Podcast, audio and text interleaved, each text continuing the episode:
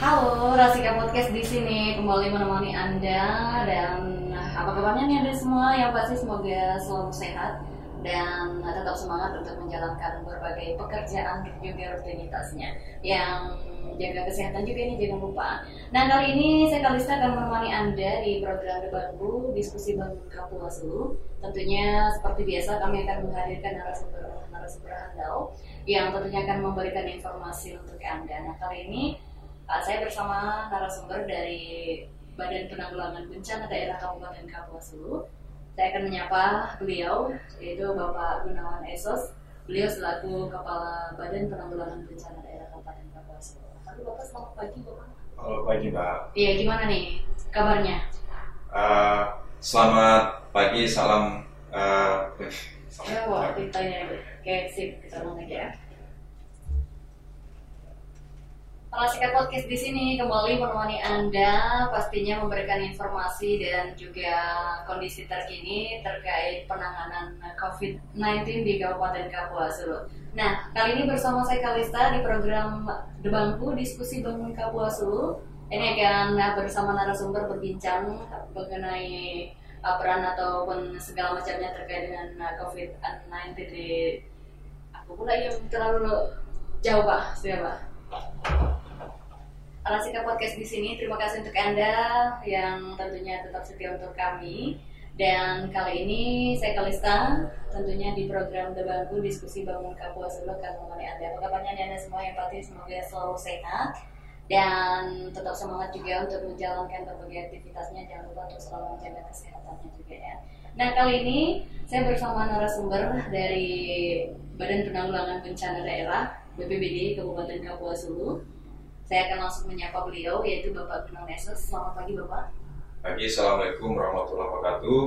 Uh, selamat pagi dan salam sejahtera untuk uh, kita semua. Salam tangguh untuk masyarakat Kabupaten Hulu. Ya, salam tangguh biasanya begini ya Pak. ya, salam tangguh. Nah, beliau selaku Kepala BPBD Kabupaten Kapuas Hulu. Nah, di sini kita akan sejenak berbincang ya Pak tentang uh, beberapa hal.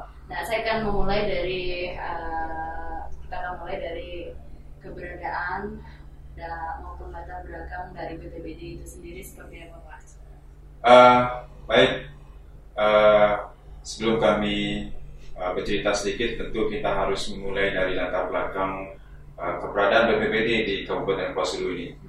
BPBD Kabupaten Pasulu ini uh, berdiri berdasarkan SK Bupati nomor 53 tahun 2018 tentang uh, kedudukan struktur organisasi, tugas dan fungsi dan tata kerja uh, Badan Pengencana Daerah di Kabupaten Pasulu.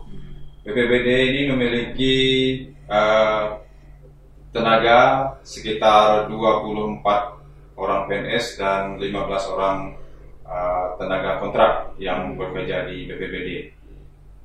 Nah, sejauh ini Pak, kita kan masih dihadapkan dengan pandemi COVID-19 khususnya di Kabupaten Kapuas Hulu, seperti apa peran dari BPBD dalam penanganan uh, COVID-19 di Kabupaten Kapuas Hulu? Uh, BPBD sebelum kita bicara tentang peran BPBD di penanganan COVID-19 di Kabupaten Kapuas Hulu, hmm. tentu kita juga harus merujuk kepada Undang-Undang Nomor 24 Tahun 2007 tentang bencana. Nah, khusus untuk COVID ini termasuk dalam bencana non alam. Hmm Nah, kita BPBD uh, eh, berperan sesuai dengan SK yang sudah diterbitkan oleh Bupati Kapuas Hulu. Kami akan bercerita sedikit tentang uh, eh, SK yang ada di ya yang diterbitkan uh, tentunya oleh Bupati Kapuas Hulu terkait dengan bisa ulang nggak? Oh iya, oke okay, sih kita mana? Dari awal ya Pak ya? Pada awal. Halo Rasika Podcast di sini untuk Anda kembali hadir lagi di program Debangku Diskusi Bangun Kapua Sulu dan kali ini saya Kalista akan menemani Anda uh, ke depan tentunya bersama narasumber kita. Nah beliau juga sudah hadir di sini. Nama sebelumnya saya akan menyapa dulu nih untuk pendengar atau juga pemirsa Rasika Podcast. Apa kabarnya Anda? Semoga tetap sehat selalu dan selalu menjaga kesehatan juga tetap semangat untuk menjalankan berbagai aktivitas juga rutinitas Anda. Nah, kali ini di informasi uh, Debangku dari Badan Penanggulangan Bencana Daerah Kabupaten Kapuas Hulu, narasumbernya adalah langsung dengan kepala dinasnya ya, yang tentunya langsung menangani BPBD di Kabupaten Kapuas Hulu. Saya akan menyapa dulu. Selamat pagi, Bapak. Pagi Mbak, Assalamualaikum warahmatullahi wabarakatuh. Selamat pagi dan salam sejahtera untuk kita. Salam tangguh untuk masyarakat Kabupaten Hulu Nah, tangguh semua gitu ya, Ya, Bapak terima kasih untuk waktu dan kesempatannya untuk bersedia hadir di Rasika Podcast kali ini. Nah, kita akan berbincang beberapa hal, namun sebelum kita ke yang khusus uh, terkait dengan BPBD ini, kali ini kita akan membahas mengenai bagaimana sih penanganan-penanganan yang dilakukan oleh BPBD sendiri tentunya mengenai COVID-19 di Kabupaten Kapuas Nah, kita mulai dari ini dulu Pak, berbincang mengenai uh, keberadaan atau juga latar belakang dari BPBD sendiri itu seperti apa Pak? Nah, BPBD ini uh, berdiri berdasarkan SK Bupati nomor 53 tahun 2018 tentang struktur organisasi tetap kerja uh, Badan Bencana Daerah Kabupaten Hulu. Nah, BPBD uh, untuk saat ini memiliki personil 24 orang PNS dan 15 orang tenaga kontrak yang mendukung keberadaan BPBD di Kabupaten Pasulu ini. Mhm. Nah, ini kita membahas uh, masih tentang pandemi COVID-19 di Kabupaten Kapuasulu. Nah, seperti apa nih Pak peran dari BPBD Kabupaten Kapuasulu tentunya dalam menangani COVID-19 di Kabupaten Kapuasulu? Uh, sebelum kita bicara tentang masalah peran BPBD, tentu kami juga harus menerangkan sedikit tentang uh, COVID-19 yang ada sekarang ini yang sudah berlangsung uh, lebih dari empat uh, bulan. Nah, berdasarkan Undang-Undang Nomor 24 Tahun 2007 tentang bencana, tentu COVID ini termasuk dalam bencana non alam. Nah, bencana non alam. Uh, peran BPBD itu kalau kita lihat dari SK gugus tugas tentu kita berada di kestariatnya itu sekretaris satu. Nah kami bercerita sedikit tentang uh, bagaimana tim gugus ini terbentuk. Nah tentu tim gugus ini uh, pada awalnya dibentuk uh, berdasarkan uh, Kepres nomor 20 tahun 2000 Kepres nomor 7 tahun 2020 tentang tugas percepatan penanganan COVID. Lalu kita juga menindaklanjuti surat dari Gubernur Kalimantan Barat nomor 440 garing 08 60 garing Kesra strip B tanggal 7 Maret 2020 tentang pembentukan gugus tugas percepatan penanganan COVID di Provinsi Kalimantan Barat. Nah, berdasarkan SK tersebut atau surat tersebut, uh, kita sudah membentuk uh, tim gugus sehingga tim gugus ini terbentuk uh, berdasarkan SK Bupati nomor 220 uh, garing BPBD garing 2020 tanggal 19 Maret 2020 tentang gugus tugas percepatan penanganan COVID di wilayah Kabupaten Pasilu, di mana di dalam SK tersebut ini uh, ketuanya adalah uh, sekretaris daerah Kabupaten Pasulu. Hmm. Nah dari peran-peran yang tadi disampaikan Bapak, seperti apa nih hambatan yang dihadapi di lapangan tentunya dalam penanganan COVID-19 di Kabupaten Kapuas Nah, jadi kami masih melanjut ini Pak. Oh masih, iya, silakan Bapak. Jadi kita masih melanjut. Uh, setelah itu muncul uh, Kepres nomor 9 hmm. tahun 2000 20 tentang perubahan terhadap Kepres nomor 7 tahun 2020 tentang gugus tugas percepatan penanganan COVID di uh, Indonesia khususnya.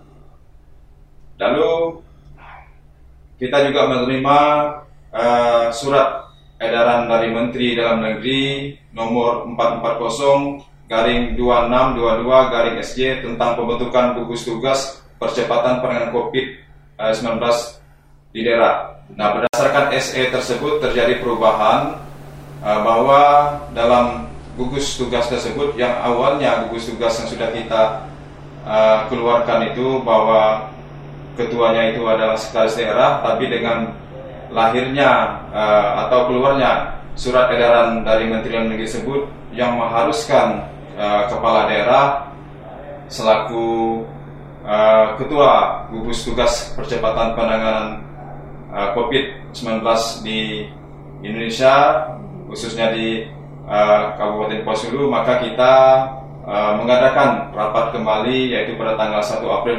2020 uh, kita mengadakan rapat untuk mengadakan perubahan terhadap struktur organisasi serta tupoksi yang uh, dikeluarkan oleh uh, SE tersebut maka kita menetapkan SK tersebut yaitu SK nomor 342 garing BPBD garing 2020 tentang pembentukan gugus tugas percepatan penanganan COVID-19 di Kabupaten Pasulu yang di mana dalam SE tersebut uh, merujuk bahwa ketua itu harus adalah kepala daerah uh, yang berada pada penanganan percepatan COVID-19 khususnya yang ada di Kabupaten Posulu ini. Iya Pak. Nah dari uh, SK-SK tadi luar biasa memang banyak ya. SK yang sudah diperuntukkan untuk BPBD Kabupaten Kapuasulu. Dan seperti apa nih Pak kendala maupun hambatan yang dihadapi di lapangan, tentunya khusus dengan penanganan COVID-19 di Kabupaten Kapuas Uh, mungkin sebelum kita bercerita tentang hambatan atau dalam penanganan COVID-19 di Kabupaten Kapuas ini, mungkin kami uh, akan bercerita tentang peran BPBD di gugus tugas tersebut. Nah, BPBD berdasarkan SK gugus tugas tersebut kita berada di uh, sekretariat atau sekretaris satu, di mana uh, kita mempunyai tugas itu antara lain adalah pelaksanaan administrasi surat menyurat gugus tugas. Yang kedua itu ada kegiatan protokol dan dukungan syariat. Yang ketiga mengkoordinir sumber daya yang ada di bawah kewenangan dan penanganan COVID-19. Yang selanjutnya adalah kita memfasilitasi pertanggungjawaban administrasi dan keuangan selama COVID ini uh, berlangsung. Hmm.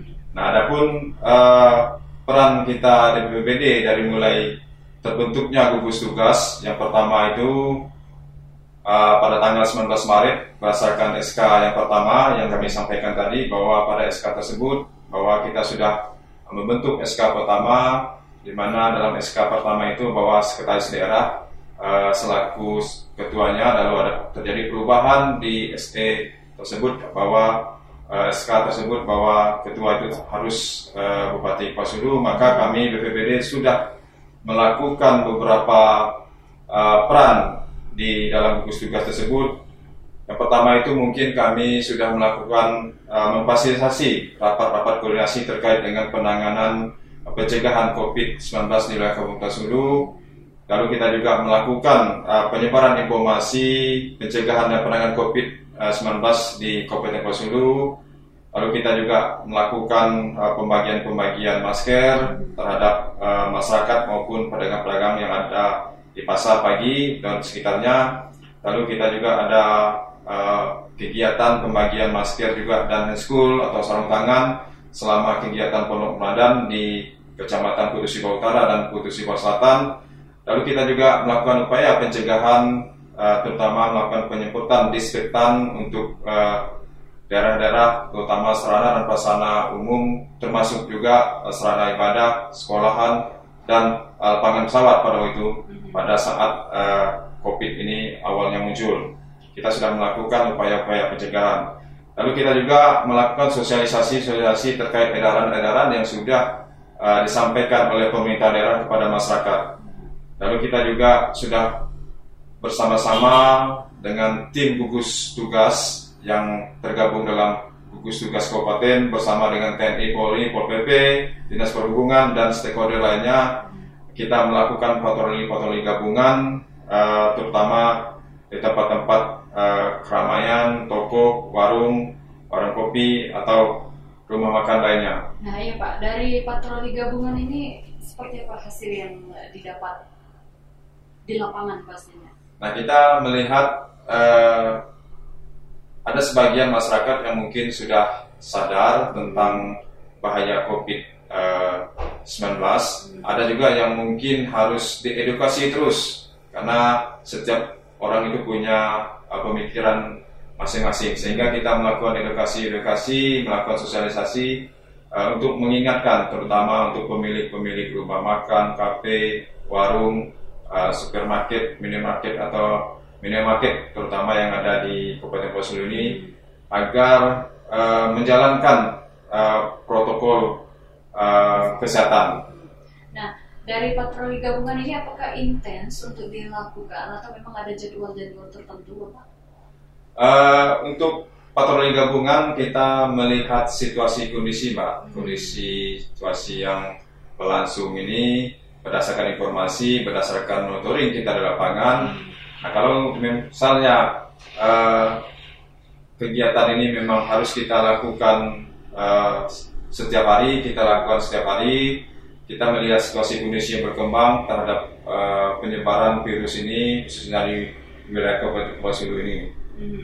Nah dari pantauan tentunya patroli gabungan ini ada beberapa memang tadi disebutkan uh, masyarakat yang sepertinya mungkin tidak menggunakan masker atau tidak mengikuti protokol kesehatan. Nah, seperti apa ini uh, tentunya tindak lanjut atau apakah masyarakat itu tetap diedukasi atau memang ada teguran khusus? Uh, kita di tim gugus tetap melakukan uh, pendekatan secara humanis, artinya pendekatan secara kemanusiaan.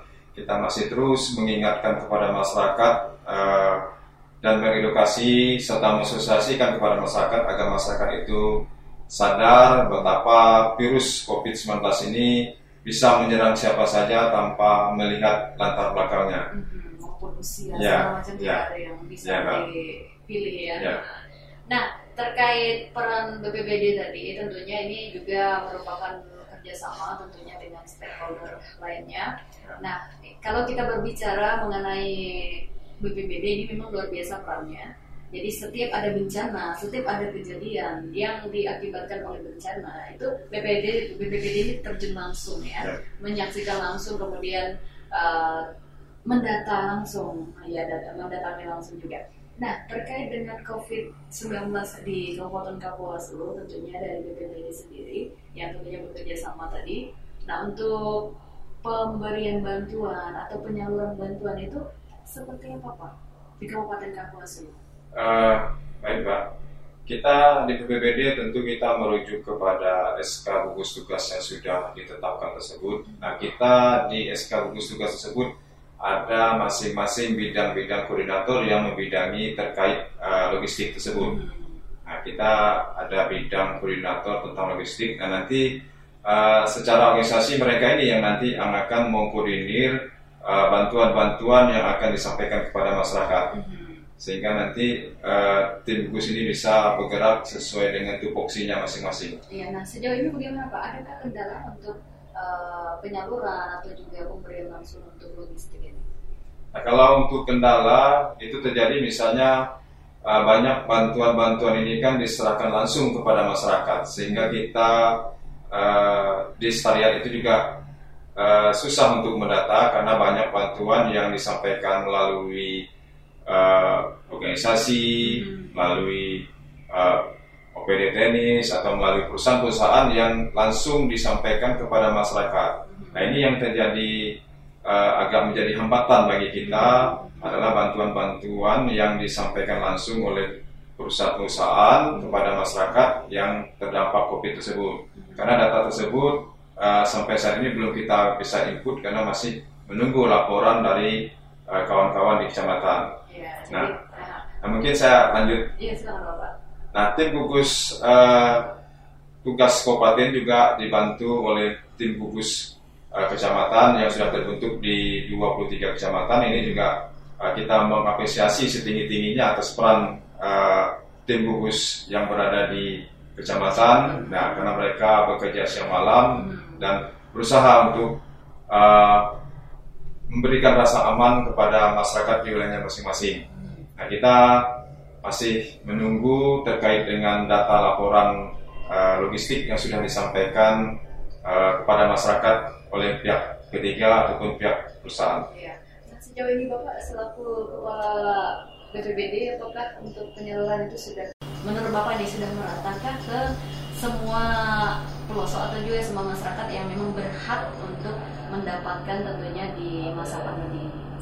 Nah, kalau bicara tentang merata atau tidak merata, tentu kita tidak bisa bicara terlalu jauh, Pak. karena itu ada OPD, ya, ya, nah itu ada OPD, OPD teknis yang Iya. terkait tentang penanganan uh, data tersebut. Nah, Nah, tapi tetap dengan bekerja sama ya. Ya, jadi intinya kita selalu mengharapkan bahwa data uh, bantuan tersebut yang disampaikan kepada masyarakat itu tepat sasaran dan bisa digunakan masyarakat sebaik-baiknya. Mhm. Nah, kita kembali ke COVID-19 lagi Ya. di Kabupaten Kapuas Hulu, Pak. Ini sepertinya sudah ada kabar terbaru lagi ya. Nah, untuk Kabupaten Kapuas Hulu terkait COVID ini seperti apa statusnya, Pak? Nah, berdasarkan uh, data atau informasi yang kita terima Hmm. untuk Kabupaten Kapuas Hulu ini, alhamdulillah kita berada di zona kuning yang artinya rentan uh, itu uh, rendah untuk uh, pe- penyebarannya. Alhamdulillah kita berada di zona kuning dan kita masih mengharapkan mudah-mudahan dalam waktu dekat nanti kita bisa menerima uh, status mungkin Hijau ya? Hijau, ya. Jangan kita berharap seperti itu dan pandemi ini segera berakhir ya pasti ya. Nah, eh, namun kita juga harus bekerja sama nih. Masyarakat juga harus tetap menjaga Ya. kesehatan, tentunya dengan beraktivitas menggunakan protokol kesehatan dan tetap dengan masker dan segala macamnya ya Pak ya. Ya. Ini untuk kita semua. Nah, karena kesehatan itu sebenarnya yang menjaga bukan orang kesehatan, dokter atau juga Ya. perawat, tapi kita sendiri. Nah, Bapak sejauh ini silakan himbauan Bapak untuk Kabupaten Kapuas Hulu masyarakat pastinya terkait eh, dengan pandemi COVID-19 ini.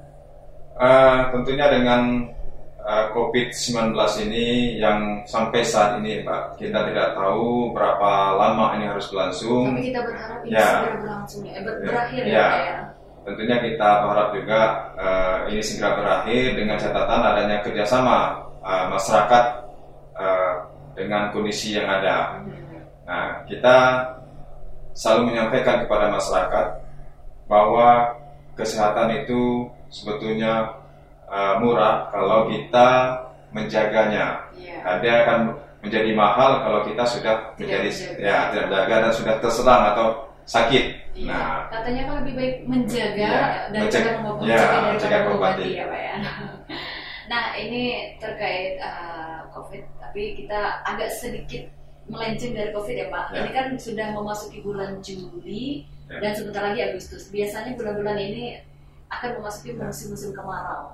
Nah ini seperti apa nih untuk imbauannya dari BPPD terkait tentunya mungkin nanti ada yang akan Eh, baik Mbak, mengha- sesuai dengan prediksi dari BMKG bahwa puncak kemarau khususnya di wilayah eh, Kalimantan Barat dan eh, khusus ter- lebih khusus lagi ke Kabupaten Hulu ini eh, menurut BMKG itu kita puncaknya berada di bulan eh, Agustus menginjak sampai ke eh, September.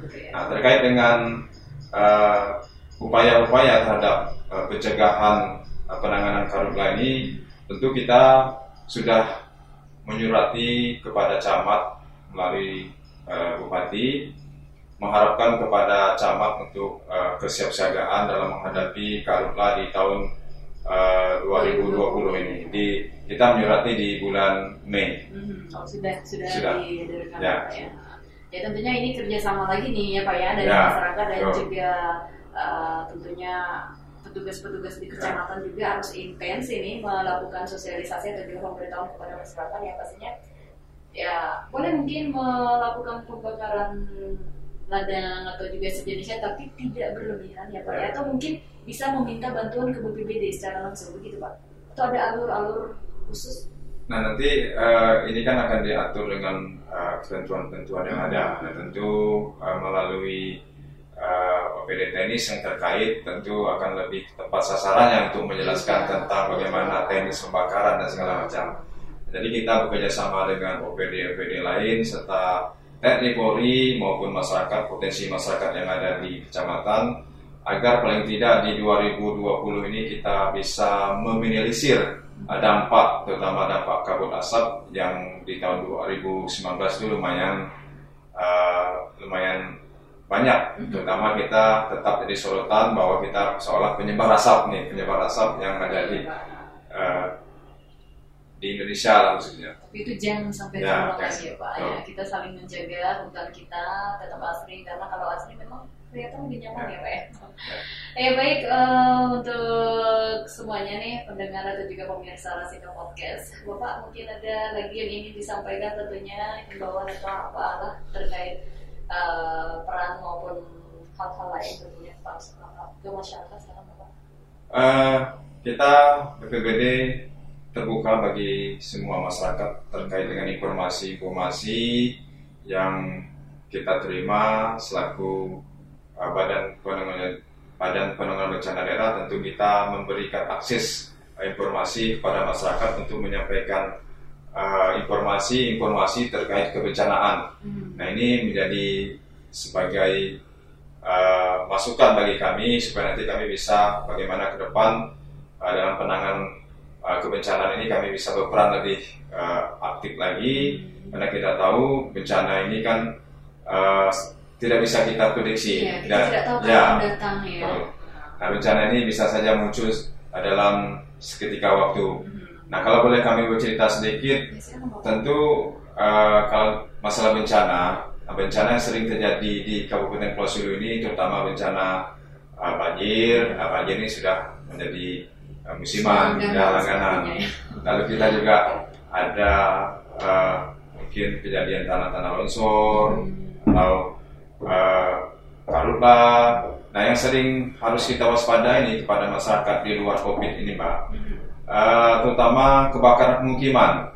Nah, seperti apa ini mungkin banyak yang nggak tahu nih Pak. Ya, kebakaran pemukiman ini memang uh, susah diprediksi, tetapi ketika terjadi dia akan membawa dampak yang lumayan luas terhadap uh, korban maupun daerah sekitarnya. Karena ketika terjadi keba- kebakaran pemukiman, terutama rumah, rumah penduduk, nah dia ini akan bisa merebes atau uh, menjangkit daerah yang sekitarnya. Tentu untuk uh, meminimalisir ini tentu kita mengharapkan informasi-informasi uh, secepatnya ketika melihat tanda-tanda atau ada hal-hal yang terkait dengan kebakaran tersebut agar cepat menghubungi kami di BPBD khususnya di bidang damkar. Iya, nah BPBD ini siap 24 jam ya Pak? Ya, kita siap Untuk 24 jam. penanggulangan bencana Ya. damkarnya Ya, damkarnya.